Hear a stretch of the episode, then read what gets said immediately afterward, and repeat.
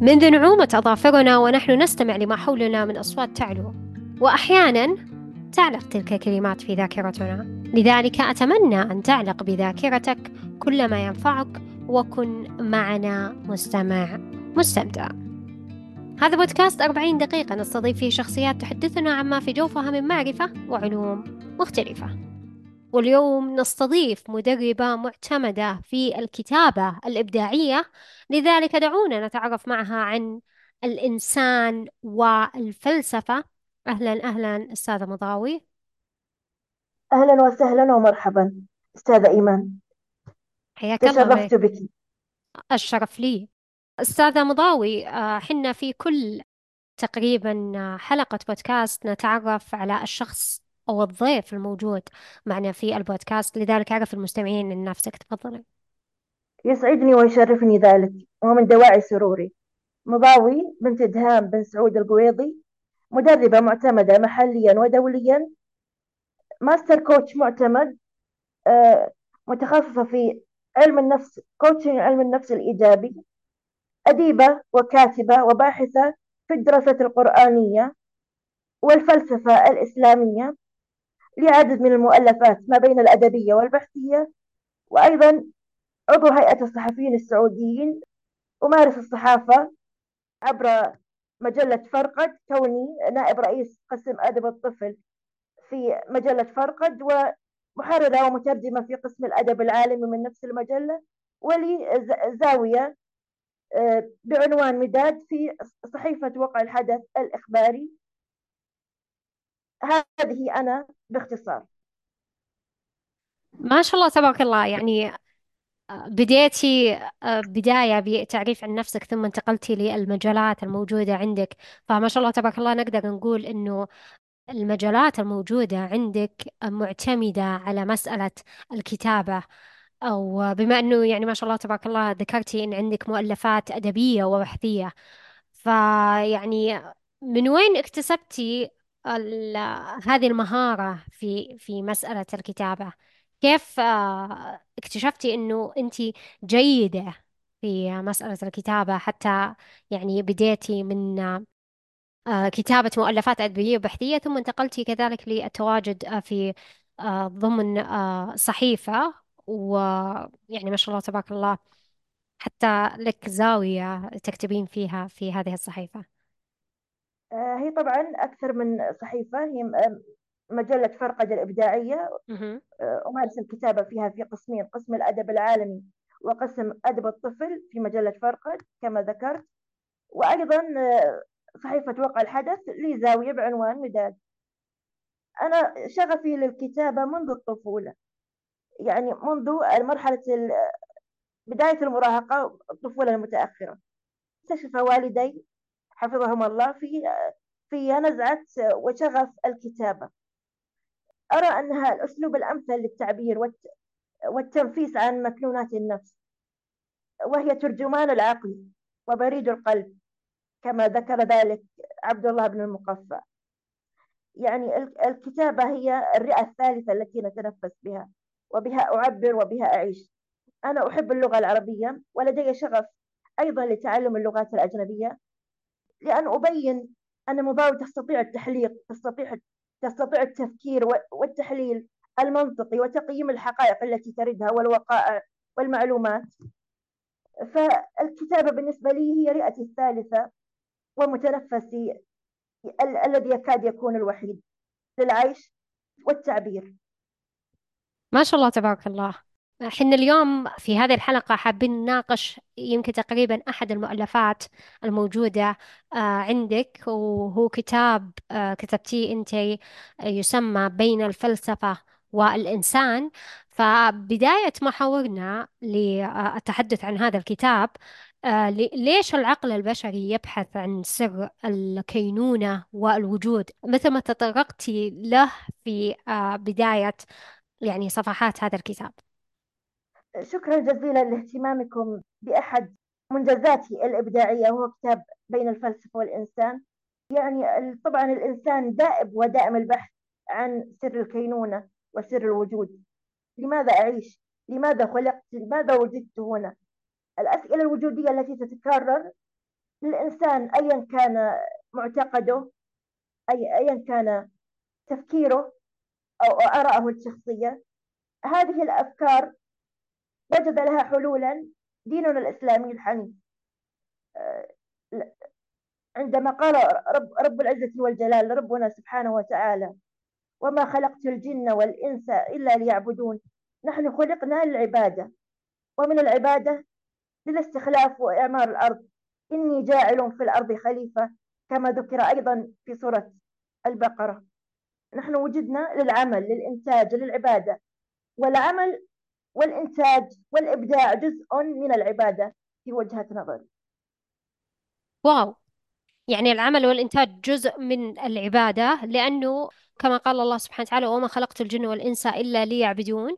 لذلك يعني هل نعم. تعتبرين أنه يعني تعمير الأرض من ضمن العبادة؟ كيف قررتي أنه هذا الشيء يكون مندمج من ضمن العبادة؟ أنت ما شاء الله تبارك الله يعني عندك مؤلفات أدبية وبحثية. يعني أعطينا وكذلك ش- كمان في جزء من علوم بحثك. القرآن. أي ما شاء الله تبارك الله. فيعني أي منجز يعني ينجزه الإنسان في حياته هو مهم. آه، ويفيد في به غيره من الناس هو بالتالي جزء من العبادة لإعمار الأرض والإنتاج فيها وإعمارها ولنكون فعلا خلائف الله في الأرض. يعني لنعملها لننتج فيها لنبدع لنحلق. لنعمل عمل يفيد الإنسانية. يكون لنا إرثا بعد وفاتنا. نحن يوما ما سيتوفانا الله سبحانه وتعالى إليه. يبقى منجزنا الثقافي وموروثنا الحضاري إرث لنا. يعني ما من إنسان إلا وسيفنى ويبقى وجه ربنا ذو الجلال والإكرام. ويبقى ما خطت أيدينا وما عملنا. شاهدا إما لنا أو علينا. فهذا جزء من العبادة أليس كذلك؟ أكيد. أكيد. لكن حبيت يعني آه، تعطيني من إجابتك ما شاء الله تبارك الله يعني ال- مثل ما يقال آه، إنه آه، إجابة موزونة ما شاء الله تبارك الله من بدايتها إلى نهايتها. فحبيت إنه يعني فحبيت إنه شكرا يعني علي الإطراء المستحق لك يا أنت أستاذة إيمان صراحة. هذا الإطراء يعني أو المديح آه، يعبر عنك آه، أستاذة مضاوي. لأنه ما شاء الله تبارك الله يعني الكتاب اللي حنا نناقشه هذا يعتبر جزء من مؤلفات أستاذة مضاوي. فما شاء الله تبارك الله يعني أنت سابقتني في آه، مسألة هذا في هذا المجال. وأكيد يعني هذا الشيء يدل على أنك تمتلكين الحس الإبداعي وكذلك يعني كونتي لك منتجات يذكرك الناس فيها. يعطيك الف عافية على هذا الإنجاز ما شاء الله تبارك الله. جزيتي خيرا الله يعافيك. وهو بعض من انعكاس لنجاحك أيضا آه، كمقدمة متميزة أيضا. أنك تختارين ضيوفك بعناية وفكرتي بي فجزاك الله خيرا. آمين يا رب. وكذلك آه، يعني آه، أنا جدا أتشرف في كل ضيف موجود معي في هذا البودكاست. أنتم جزء من النجاح وأكيد يعني خلينا ننتقل للمحاور الأخرى. بما أنه يعني ما شاء الله تبارك الله ال- الكتاب يتكلم عن بين الفلسفة والإنسان ف الإنسان بطبيعة الحال مثل ما ذكرتي إنه يبحث عن سر كينونته وكذلك الوجود. طبعا حنا كمسلمين نعرف آه، ما هو سر كينونتنا ووجودنا. لكن آه، في يعني مثلا الناس ال- الغير المسلمين ما يعرفون مثل هذا هذا السر الموجود في آه، القرآن واللي حنا نعرفه. فكيف نشأت مسمى الفلسفة؟ بما أنه يعني إحنا نتكلم أكيد أنت في هذا الكتاب قارنتي بين أكثر من شخصية وكيف نشأ مسمى الفلسفة؟ تفضل أستاذ المضاوي آه، مصطلح الفلسفة آه، يعود إلى قرون مضت مضت قبل الميلاد. قرون كثيرة قبل الميلاد مضت. هذه الكلمة الفلسفة هي تعريب لفيلو صفي الكلمتين اليونانيتين نشأت في بلاد اليونان بلاد الإغريق. فيلو وتعني محبة أو حب آه، وصوفيا. صافي تعني الحكمة. فالمصطلح بمعنى هذا يعني محبة الحكمة. وينسب المؤرخون هذا التعريف اللغوي إلى فيثاغورس الذي وصف نفسه بالفيلسوف. فيثاغورس على هذا هو أول فيلسوف. فيلسوفر مهم. ينصب نفسه كفيلسوف بهذا المعنى مهم. مهم. الآخرين الذين يدعون الحكمة حسب اعتقاده. آه، الآخرين هم من هم؟ هم السوفسطائيون آه، وهم نسبة إلى سقراط اختلافا عن صاحبه آه، فيثاغورس يعني السوفسطائيين لهم كثير من المجادلات والتفريعات الفلسفية لكن أول من نصب نفسه فيلسوفا هو فيثاغورس. فنقول أن هذا الاصطلاح يعود إلى فيثاغورس اللي هو محبة الحكمة. فيلو وتعني محبة وصفي وتعني الحكمة. في العام 495 إلى 700 إلى 570 قبل الميلاد ولدت الفلسفة. وهي دراسة مشكلة ما وأساسية تتعلق بأمور متعددة من الوجود والمعرفة والقيم الإنسانية والعقل واللغة. هذه هذا هو مفهوم الفلسفة. ثم تطورت لدى العرب منهم الفارابي والكندي وغيرهم من فلاسفة المسلمين إلى أن وصلنا إلى ابن رشد ومحمد بن محمد الغزالي. فيثاغورس هو آه، أسس آه، قانون آه، في الرياضيات ونسب هذا القانون إليه فهو يعتبر إيه، يعتبر فيلسوف يوناني من القدماء نعم تلاحظين أن حتى العرب المسلمين. برعوا في في الفلسفة وفي الرياضيات وفي وفي العلوم الشرعية وفي وفي اللغة والأدب والفقه في أكثر من مجال. تجدين العالم سواء إغريقي أو عربي أو من الصين أو مما عدا من من حضارات الشرق القديمة مهم.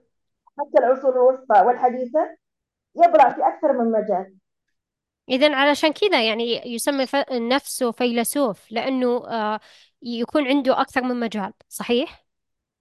لا لأنه آه، يعني اختلف كما قلت عن. السفسطائيين أتباع سقراط وأفلاطون اللي لهم آراء يدعون أنها من الحكمة وهي مجرد جدال فقط. هو أول من قاعد لكلمة فلسفة ووضعها بهذا المفهوم كلمة فلسفة. جمع الكلمتين اليونانيتين فيلو اللي هي محبة أو حب وصوفي أو صوفيا بمعنى محبة الحكمة. تعرضها إلى فلسفة. آه، ف يعني يعتبر أول من ظهر لديه علم الفلسفة اكتشفه يعني. أها. عرفت؟ إيه عرفت. إيه عرفت وفهمت الآن. طيب بما أنه يعني آه، ت- تكلمتي في البداية في كتابك عن بين الفلسفة والإنسان ثم تطرقتي يمكن تقريبا الجزء الثاني من آه، كتابك وقلت نشأ علم الكلام بالتزامن مع علم الفلسفة. لكن ما هو السبب لنشأة هذا النوع من العلوم؟ للر- للرد على المبتدعة مهم. من أصحاب ال- المعتقدات والأهواء والحجج والرد على العقائد الإيمانية الأخرى آه، يرتبط علم الكلام آه، بإقامة الحجة والأدلة على صدق وصحة العقائد الإيمانية وعلم التوحيد وعلم الأسماء والصفات لرد التشويه عن الدين والعقائد الإسلامية حيث نشأ علم الكلام في عهد الخلفاء الراشدين. منذ خلافة أبي بكر الصديق والفاروق عمر الخطاب رضي الله عنهما بعد وفاة النبي صلى الله عليه وسلم والسلام وتم زرع هذا العلم لتصدي تصدى فيه المتكلمين ضد المبتدعة يعني الذين ابتدعوا في الدين ونضج هذا العلم وتأسست أركانه في الدولة العباسية لأسباب داخلية وخارجية أما. الداخلية فتتمثل في انشقاق الفرق يعني نشأت هناك الفرق فرق المعتزلة مثلا وفرق الشيعة. والصوفية المتحدثة عن معاني القرآن الكريم واختلاف المذاهب في تفسيرها لذلك يعني تأسس أركان العلم في عهود الخلافة الراشدة وتبلورت هذا العلم في عهد الخلافة العباسية. إذا يعني نقدر نقول إنه آه، نشأ أركان علم الكلام آه، في تفضل. بذور العلم آه، يعني مبادئ هذا العلم في عهد الخلفاء الراشدين. ثم تقاعد لهذا العلم في عهد الخلافة العباسية. يعني في عهد التدوين نشأت الفرق الأخرى المبتدعة اللي هم الصوفية والشيعة وغيرهم. فنشأوا للرد على هؤلاء وتفسيراتهم للأسماء والصفات وأصول الدين. فكان لزاما أنه يظهر هذا العلم فكانت الغاية منه تتمثل بالدفاع عن العقيدة الإسلامية الصحيحة أمام المبطلين والرافضين والمشككين لهذه العقيدة. إذا يعني نقدر نقول إنه علم الكلام نشأ للرد على الفلاسفة للرد على الشخصيات المبتدعة وكذلك مثل ما ذكرتي يعني آه الأحزاب الموجودة التي نشأت. فهذا هذا هو السبب الأساسي من نشأة آه علم الكلام آه طبعا بالتزامن مع آه علم الفلسفة. صحيح؟ صدقتي فعلا أستاذة إيمان هذا ما أردت قوله. طيب آه، بما أنه يعني آه، إحنا تكلمنا سبب نشأة الفلسفة كذلك وسبب نشأة آه، علم الكلام بالتزامن مع علم الفلسفة حدثينا الآن عن سبب كتابة الغزالي لكتاب تهافت الفلاسفة. تفضل. الغزالي كتب كتاب تهافت الفلاسفة ليهاجم فيه الفلاسفة اليونانيين ومن اتبعهم؟ من فلاسفة المسلمين خاصة ابن سينا والفارابي ويقول الغزالي في كتابه ما دفعني إلى تأليف هذا الكتاب يعني الذي هو تهافت الفلاسفة. أنني رأيت طائفة يعتقدون في أنفسهم التميز عن الأتراب والنظراء يعني يتميزون عن نظرائهم وأترابهم وأقرانهم في التفكير يعني. بمزيد بمزيد الفطنة والذكاء. وقد رفضوا وظائف الإسلام واستحقروا شعائر الدين واستهانوا بتعبدات الشرع وحدوده بفنون من الظنون يتبعون فيها رهبا يصدون عن سبيل الله ويبغونها عوجا. يعني أن الفلاسفة امتازوا بالشطط والبعد عن الدين يعني بما معنى كلامه. وأنهم لا يستندون ومستندهم يستندون إلى الضلال والتقليد الأعمى. وأن مصدر ضلالهم سماعهم لأسماء هائلة كسقراط وأفلاطون وأرسطو وأمثالهم. ورأى أنه من الحماقة أن أن يستمر هؤلاء لذلك انتدب نفسه لتحرير وكتابة هذا الكتاب الذي هو تهافت الفلاسفة. آه، يعني كتب كتابه تهافت الفلاسفة حتى يعني يرد على من يتميزون عن أقرانهم واستحقروا الدين وكما يتميزون عن أقرانهم بالفطنة والذكاء. يعني هو آه، يرى أن الفلاسفة قد يعني استندوا ويرى سقوطهم أن كلمة تهافت بمعنى السقوط. فجاء يعني ما بعده ابن رشد للرد على آه، تهافت الفلاسفة وكتب تهافت التهافت. أها. يعني كلاهما يرد على الآخر. أها. طيب الآن يعني اتضحت لي الصورة بما أنك يعني كتبتي في هذا الكتاب وكذلك انتقلتي للكتاب الآخر اللي هو تهافت التهافت طبعا اللي أرد على آه، الغزالي. يمكن تقريبا كل هذه الأمور تناقش الفلسفة آه، لدى البعض بأنهم آه، يستندون على الضلال ويبتعدون عن أصول الدين. آه، صحيح؟ الفلسفة لو كانت قائمة فقط على يعني مثلا يكون لك حكمة في الحياة فلسفة معينة تنتهجها ترى الجمال في كل شيء ترى الأخلاق والقيم هذا أظن لا لا ضير فيه. أما أن يعني أن تدخل في صلب العقيدة. وتنفي الأسماء أو الصفات. يعني أو تتداخل مع الدين فهنا يقع المحظور من وجهة نظر الغزالي وكيف رد عليه ابن رشد. أها. يعني كتاب الغزالي ناقش الفلسفة من ناحية الدين أما الفلسفة الأخرى يعني مثلا آه، زي ما حنا يقال في الوقت الحاضر بأنه قانون آه، مثلا الجذب. طبعا يعتبر عندنا بالدين الإسلامي آه، مسمى آخر له هو التفاؤل. فهذه تعتبر من ضمن الفلسفات يعني المتاحة. هي أصلا هناك يعني هي الفلسفة اليونانية. التي أخذها علماء الفلاسفة المسلمين مثل الفارابي وابن سينا وابن رشد. وقبلهم ناقشهم أبو حامد محمد بن محمد الغزالي في كتابه تهافت الفلاسفة. وهناك عقائد فلسفية اللي هي الدين البوذي والهندوسي وال... ثم نشأت ال... أصبح هناك ما يسمى بعلم الطاقة و... وقانون الجذب وما عدا. هذه كلها تعتبر من الفلسفات التي يجب تهذيبها حتى لا تتنافى مع العقيدة. أها. إذا يعني تهذيبها تنصحين أنت بهذا المسمى أنه تهذيب مثل هذه العلوم.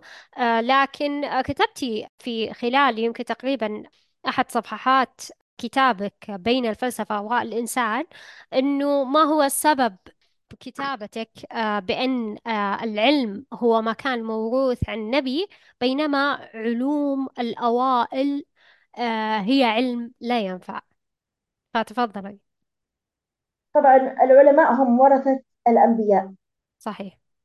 العلماء آه، يعني آه، أخذوا على عاتقهم تفسير الدين لعامة الناس غير المتخصصين.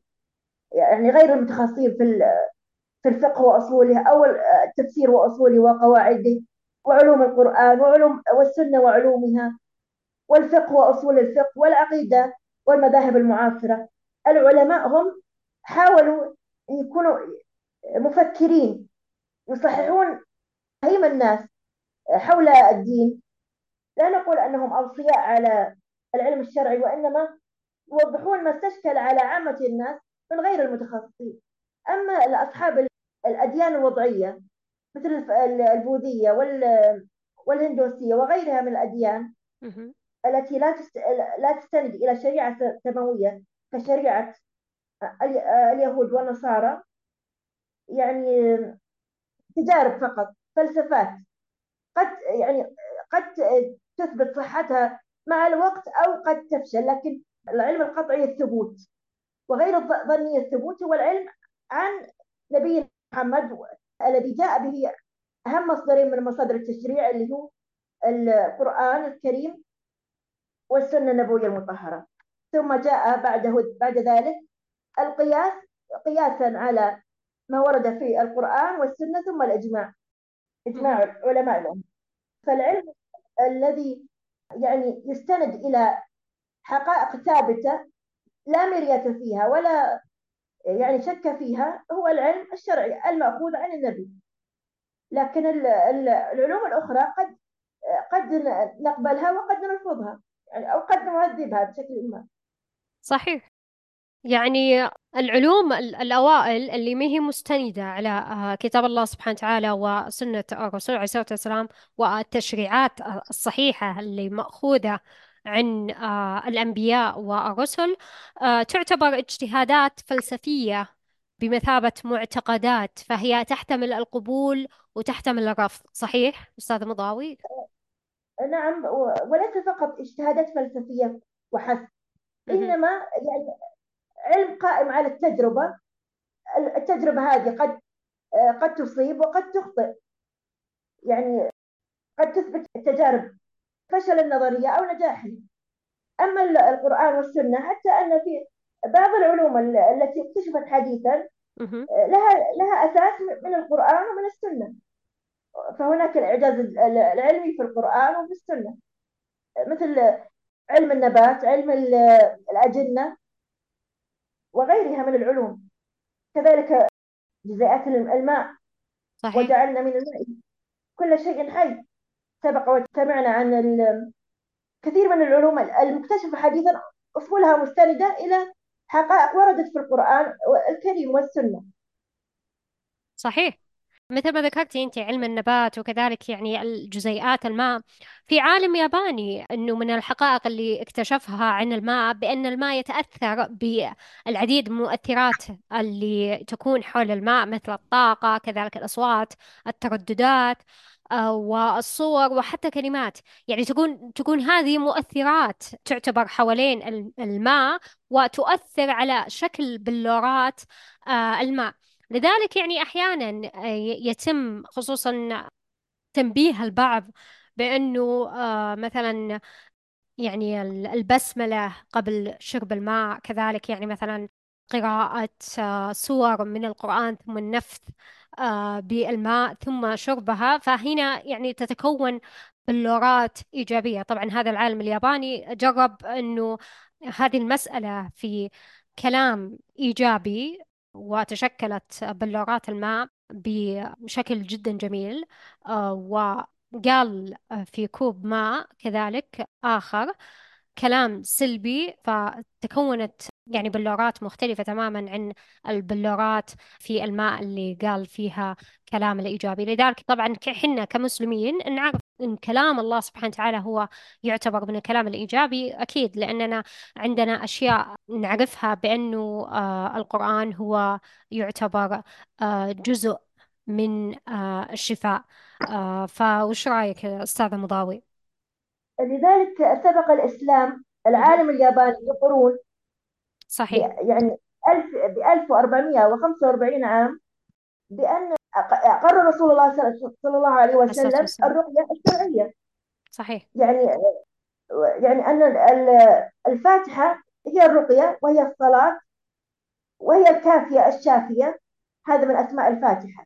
صحيح. يعني لو قرأنا الفاتحة فقط على كوب ماء فلك أن تتخيلي كيف تكون جزيئات الماء لو وضعناها على الميكروسكوب. صحيح. أكيد راح تكون بلورات الماء بشكل يعني جدا جميل. يعني هذا الشيء درسه عالم ياباني لكن إحنا نعرف كمسلمين بأنه هذا الشيء موجود آه، سابقا. فحبيت أني أطرح آه، مثل هذه القصة لأنه هذا الشيء آه، قد تكلمتي عنه بأنه العلوم اللي تكون موروثة عن النبي هي العلوم الحقيقية. بينما العلوم الأخرى هي مجرد علم قائم على التجربة. آه لذلك آه تفضلي. أدريني؟ تفضلي. يعني كذلك أن النبي لما يعني نهى عن شرب الماء واقفا هذه حقيقة علمية أثبتها العلم حديثا. وهناك كثير من الأمثلة على ذلك. مثل ورود خلق الإنسان في سورة المؤمنون مراحل خلق الإنسان. هذا علم الأجنة المعروف حاليا اليوم. صحيح. وكذلك آه، موريس بوكاي لما حلل جثة فرعون لما قرأ في القرآن اليوم ننجيك ببدنك وجد أن جثة فرعون على حالها لم لم يعني يحدث لها شيء. فأسلم. وأصبح من أكبر المدافعين عن الدين. الطبيب الفرنسي موريس بوكاي. wow. أنا أول مرة صراحة أنا أسمع بمثل هذا الاسم لأنه أنت ما شاء الله تبارك الله يعني باحثة. فإحنا جايبينك اليوم عشان نعرف المعلومات الجديدة ونعرف الأسماء آه، الجديدة. فيعطيك العافية على آه، هذا الإكمال لحديثنا وكذلك يعني أكيد عندنا محور عندنا محاور موجودة. إذا يعني حنا عرفنا آه، من بداية حوارنا آه، عن الفلسفة كذلك عن علم الكلام وعن المحاور الأخرى. فأنت في بداية في البداية تكلمتي عن الفلسفة ثم علم الكلام. ثم الصحة النفسية. فإيش الرابط بين هذه المجالات في كتابك خصوصا يعني موضوع كتابك بين الفلسفة والإنسان؟ تفضل أستاذ مضاوي. الإنسان عقل ونفس وروح. العقل والنفس والروح أهم ما يجب أن يكون لدى الإنسان هو كم معرفي وفلسفة في الحياة. وأنا أردت أن أبحث علاقة الدين بالفلسفة في البداية. وهل هي فعلا علم محرم ولا يجب يجب التطرق له ولا لا؟ وكيف يعني السجالات والنقاشات والجدالات بين أهم أقطاب علم الفلسفة الإسلامية اللي هم أبو حامد محمد بن محمد الغزالي حجة الإسلام وابن رشد الأندلسي. فأنا كنت بناقش آه، علاقة الدين بالفلسفة. كون أنا أساسا تخصصي علوم القرآن. ويعني هذا مجالي. أريد أن أعمل عقلي. ثم أتكلم عن علاقة يعني علاقة العقل والصحة النفسية بمكنونات الإنسان ك يعني كائن ذو عقل ذو فكر ذو روح. تكلمنا عن الدين وال- والفلسفة. ثم عرجنا على ال- الصحة النفسية وربطت كل ذلك بالصحة النفسية والتوافق النفسي من منظور إسلامي. ربطت كل ذلك بالدين لأن تخصصي الأساسي هو علوم القرآن. واضح؟ واضح. واضح أكيد. يعني أنا الشيء اللي فهمته من آه، يمكن تقريبا كلامك أن الفلسفة لما نشأت آه، تم تنشئة آه، علم الكلام بالتزامن معها للرد على بعض آه، المعتقدات الموجودة على علوم آه، قائمة على التجربة وكذلك على من يستحقرون الدين وكذلك يعني يستندون على الضلال. فحينما تكلمت عن الفلسفة ثم علم الكلام بحيث أنه يعني مترابط آه، في الفلسفة. وكذلك يعني الصحة النفسية مترابطة في آه، الأشخاص يعني يتكلمون عن آه، هذه العلوم وكيف أنه يعني الصحة النفسية مهمة. مثل ما ذكرتي أنه الإنسان يتكون من عقل وكذلك نفس وكذلك روح. فحابة تذكرين لنا يعني مثلا أمثلة من ال- ال- الفلسفة اللي آه، تكون غير آه، جيدة بالنسبة للإنسان وبناء يعني حنا الآن في السوشيال ميديا نسمع كثير مصطلحات معينة كثير علوم معينة. فهل حابة يعني تطرحي لنا مثلا هذا العلم؟ هل هو إيجابي أو هو سلبي موجود؟ آه، حتى يعني ننبه من يستمع آه، هذه الحلقة. تفضلي.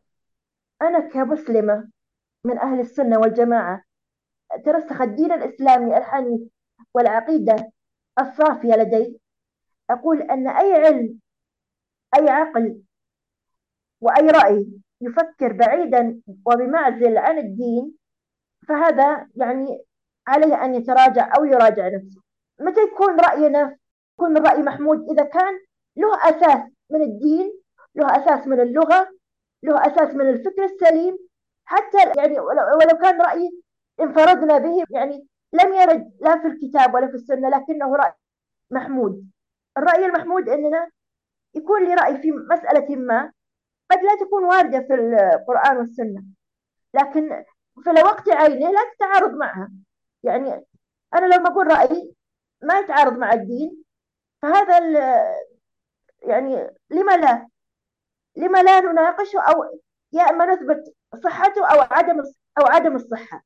يكون قابل للنقاش. أما ال- الأمور العقدية والأمور الدينية فلا تقبل عند يعني لا عندي ولا عند غيري ال- الجدال. يعني مثلا مثل نظرية النشوء والتطور لدى. داروين. صحيح. هذه قالت صراحة قصة خلق آدم وحواء حتى في الأديان ال- الأخرى الشرائع الأخرى بمعنى أصح. لأن دين الله الإسلام الشرائع الأخرى المس... النصرانية واليهودية. قالوا أن. يعني الإنسان بدأ من آدم وحواء اسكن أنت وزوجك الجنة ولم ولم يتطور الإنسان أصلا من قرد أو غيره هل إجابتي واضحة أستاذ إيمان؟ أكيد إجابتك واضحة حتى المثال اللي ذكرتيه يعني مثال واضح ومثال أعتقد آه، الكل سمع فيه هي نظرية داروين بأنه الإنسان يعني نشأ من قرد يعني كان قرد بعدين تطور في المراحل بعدين صار إنسان. فأكيد أنه يعني الأديان السماوية كلها رفضت مثل هذه آه، النظرية. ومثل ما ذكرتي آه، أستاذة مضاوي وعللتي هذه الإجابة. في ناس عليهم أن يفكروا قليلا أو يفكروا مليا في هذا الموضوع يعني.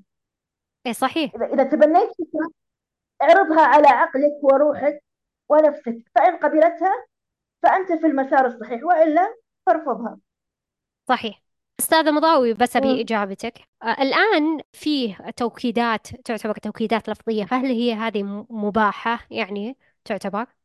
توكيدات لفظية يعني مثلا أنا أقول لنفسي قدام مراية أنا إيجابية أنا هذه تعتبر شيء أساسي تعتبر من الأشياء اللي دخلت علينا من ال social media ويعني حنا تقبلناها. فهل هذا شيء إيجابي ولا واحدة من صديقاتي قالت لي أنا زاد وزني.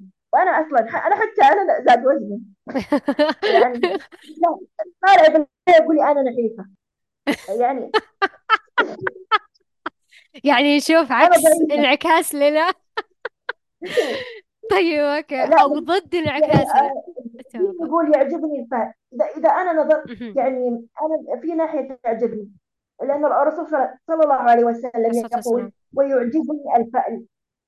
إذا نظرت في المرآة فقلت اللهم كما حسنت خلقي فحسن خلقي. يعني أنا شكلي جميل. حتى حتى لو ما عجبك شكلك حتى لو عندك كرش تقبليه كما تقبلي شكلك كما هو أحبي نفسك. لكن إذا في مجال للتحسين حسني. إذا في مجال لأخذ حمية ما أو رياضة ما فلم لا. لكن التوكيدات الإيجابية أني أنا أعزز يعني أتفائل. وأعزز ال- القيمة ال- الإيجابية في نفسي. أقول أنا جميلة أنا ذكية أنا باحثة أنا مدربة أنا مستشارة أسرية هذا فعلا واقع. أنا ما جبت شيء من عندي. أنا لي مؤلفات ولي دورات توني مخلصة دورة. فليش ما أعزز يعني أرفع من قيمة ذاتي؟ حتى ينعكس ذلك على آراء الآخرين. يعني أنا ما أخذ قيمتي من الناس. يعني مثلا المفروض إني لازم أسمع منك كلمة مدح يا أستاذة إيمان عشان آخذ قيمتي من لا أنا أكون يعني عارفة قيمة نفسي. رحم الله امرأ أنا عارفة قدر نفسي. هذا موجود حتى في موروثنا الثقافي صحيح. يعني أنا أعزز أعزز تقديري لذاتي أعطي نفسي توكيدات إيجابية هذا لا بأس فيه أنا في رأيي. بما أنك ما شاء الله تبارك الله يعني عندك آه، مجالات متعددة كذلك يعني من ضمن هذه المجالات هي الكتابة الإبداعية وكذلك يعني آه، لديك آه، مؤلفات أدبية وبحثية. فما هي الصعوبات اللي واجهتك في بدايتك في هذا البحث؟ بما أنك ما شاء الله تبارك الله ألفتي هذا الكتاب يعني. تفضل. صعوبات يعني كصعوبات البحث في أي يعني عمل بحثي. البحث عن المصادر موثوقية ومصداقية هذا المصدر. هل هو مصدر واقعي فعلا أو أنه يعني مصدر أصيل أو أنه مأخوذ من آراء آخرين؟ كان لا- لازم أني أبحث في المصادر الأصلية. آه، كتاب تهافت الفلاسفة نفسه وتهافت التهافت. وأنا يكون لي رأيي الخاص بالموضوع. ألخص كل ما قرأت وأحط آرائي الخاصة أضع آرائي الخاصة بمعنى أصح.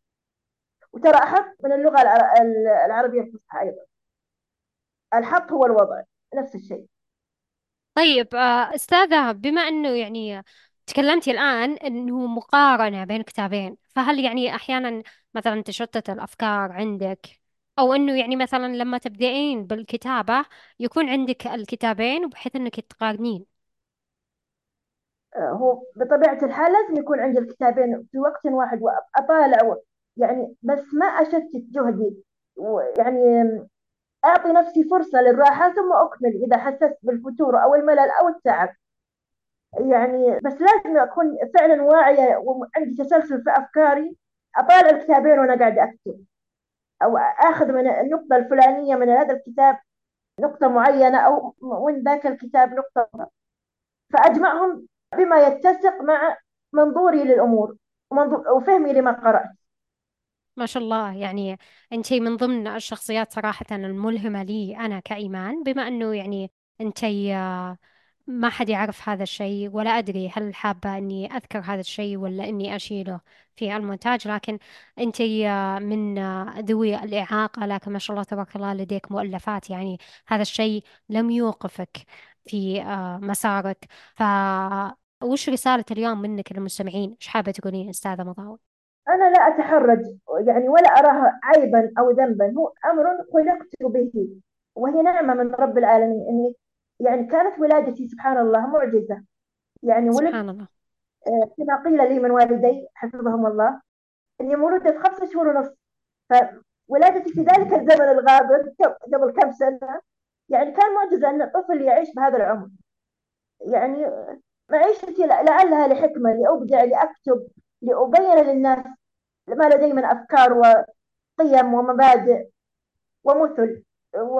وأوضح أفكاري أحرك العالم من الكرسي المتحرك. ما شاء الله. يعني لازم أثر وبصمة في الحياة وإلا فسأكون رقما زائدا فيها أو قطعة أثاث على الكرسي. لازم يكون لي رأي لازم يكون لي وللعلم أنا يعني قد يكون هذا يعني خارج حدود اللباقة والإتيكيت. إني أول ما أتعرف على إنسان ترى أقول له إني ترى أنا يا أستاذة إيمان صاحبة يعني وضع صحي خاص عندي شلل دماغي. ليس لي يعني ليتساهلوا معي في بعض الأمور أو أو ما عداها إنما حتى أبين إني أنا فخورة بنفسي. إني بهالوضع هذا بهالوضع الصعب جدا لدي معاناة يومية جسدية وصحية لكني ما زلت أقاتل وأسعى إني أفيد الناس بما بما أوتيت من علم. أكيد أكيد. وإن شاء الله بإذن الله يعني آه، تحققين طموحاتك وكذلك يعني تحققين أهدافك الموجودة. لذلك آه، آه، قولي لنا رسالة اليوم منك المستمعين تفضلي. رسالة اليوم من المستمعين أن كلما قرأت سطرا تقرأه بقلبك وروحك وعقلك وكل حواسك الخمس. افهم ناقش حلل قيم صحة المعلومة من عدمها. آه، لا تقبل أي أي رأي يأتيك. اعرضه على مقياس العقل والدين الذي وضعته في كتابي آه، بين الفلسفة والإنسان. ناقشت العقل والروح والنفس والدين. يعني جمعت كل هذه الأشياء. يعني لما تكلمت عن الصحة النفسية تكلمت عنها في منظور الصحة النفسية والتوافق النفسي من منظور إسلامي. رأي الدين في كيفية الحفاظ على الصحة النفسية التي هي أغلى ما يمتلك الإنسان صحته النفسية والعقلية؟ وسلامة دينه من الأهواء. في البداية تكلمنا عن العقيدة وعلاقتها بالدين والمعتقدات الأخرى. وكيف يمكن أن نهذب أي فكرة تأتينا فلا تقبلوا أي فكرة تأتيكم حتى تمحصوها وتحللوها جيدا وتستنبطوا منها دليل على صحتها أو عدم الصحة. دمتي بخير أستاذة إيمان وشاكرة مقدرة أنك استضفتيني. العفو صراحة وأنا كذلك شاكرة مقدرة قبولك لهذه الفرصة وتواجد معي للحديث عن أحد مؤلفاتك آه، بين الفلسفة والإنسان. فأعطيتينا من معلوماتك الموجودة ويعطيك ألف عافية على تواجدك معي. الله يعافيك. لك مني جزيل الشكر والتقدير والاحترام والامتنان. والعرفان جزيتي خيرا وسعدتي أوقاتي. وأنا كذلك سعيدة وعلى هذا سيداتي وسادتي دمتم بخير وشاركوني تعليقاتكم على هذه الحلقة في أحد مواقع التواصل الاجتماعي.